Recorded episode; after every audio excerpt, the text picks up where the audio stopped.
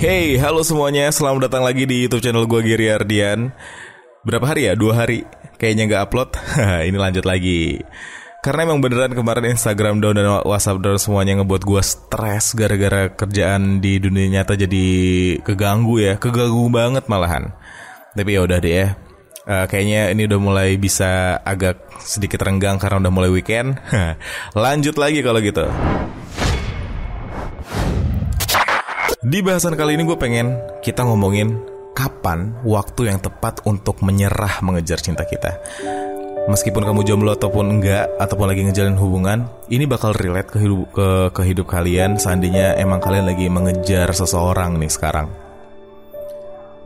Baik itu belum didapatin, berarti mengejar secara harfiah atau yang lagi ngejalin hubungan uh, sedang berjuang bareng-bareng atau enggak itu juga bisa dibilang kamu tuh sedangnya sebenarnya lagi mengejar cinta kamu sekarang atau enggak gitu ya. Well, buat gue kalau ditanya kapan waktu yang tepat untuk mengejar untuk menyerah eh, mengejar cinta kita, jawabannya ada di, di diri kita masing-masing. Karena kita semua punya toleransi yang berbeda-beda untuk untuk pasangan kita masing-masing atau untuk seseorang yang kita sayang masing-masing. Jadi gue cuman bisa mengarahkan untuk Mari kita bikin list yang melibatkan uh, hati dan pikiran kalian yang berkomunikasi dengan baik untuk untuk mem memutuskan apa yang terbaik buat kalian hari ini. Jadi jangan cuma dengerin kata-kata hati doang, tapi otaknya dikesampingkan gitu ya. Logika-logika di di apa istilahnya dijauhi nggak nggak nggak didengerin pendapatnya gitu ya. Semuanya cuman berdasarkan tapi gue masih sayang sama dia.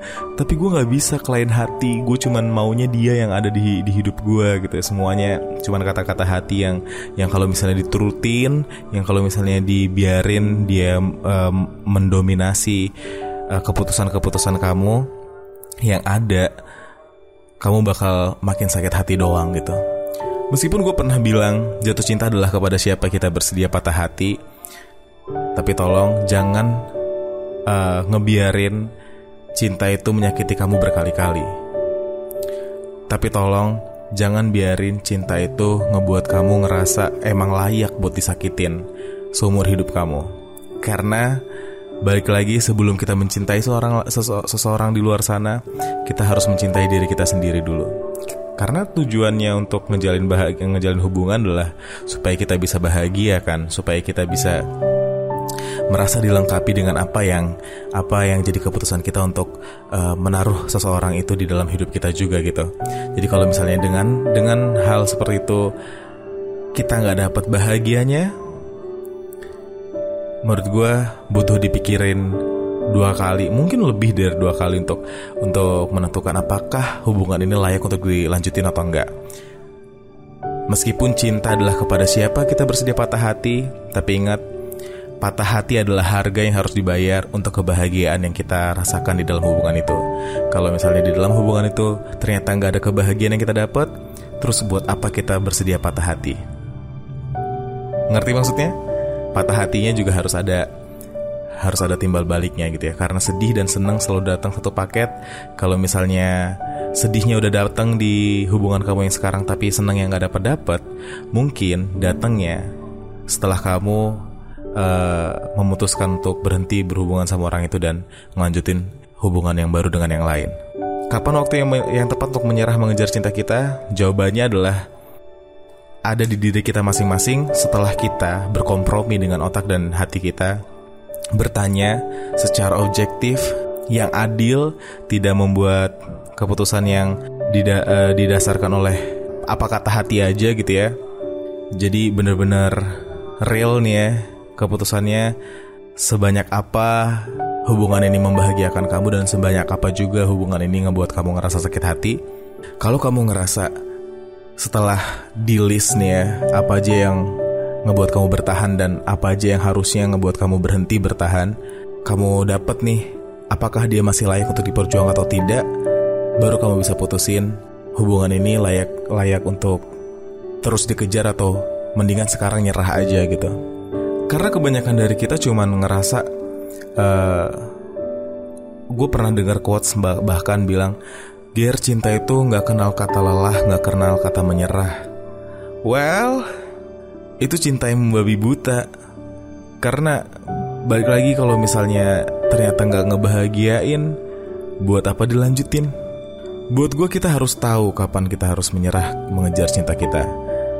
Yaitu saat saat ternyata perjuangan yang kita lakukan sekarang uh, ternyata nggak membuahkan hasil apa-apa atau hubungannya ternyata nggak berkembang ke sesuatu yang lebih baik, nggak tumbuh untuk menjadikan kita seseorang yang jauh lebih baik, atau ternyata salah satu di antara kita menemukan seseorang lain yang lebih uh, baik dari kita, yang ternyata akhirnya nggak buat kita bukan dua and only lagi gitu ya.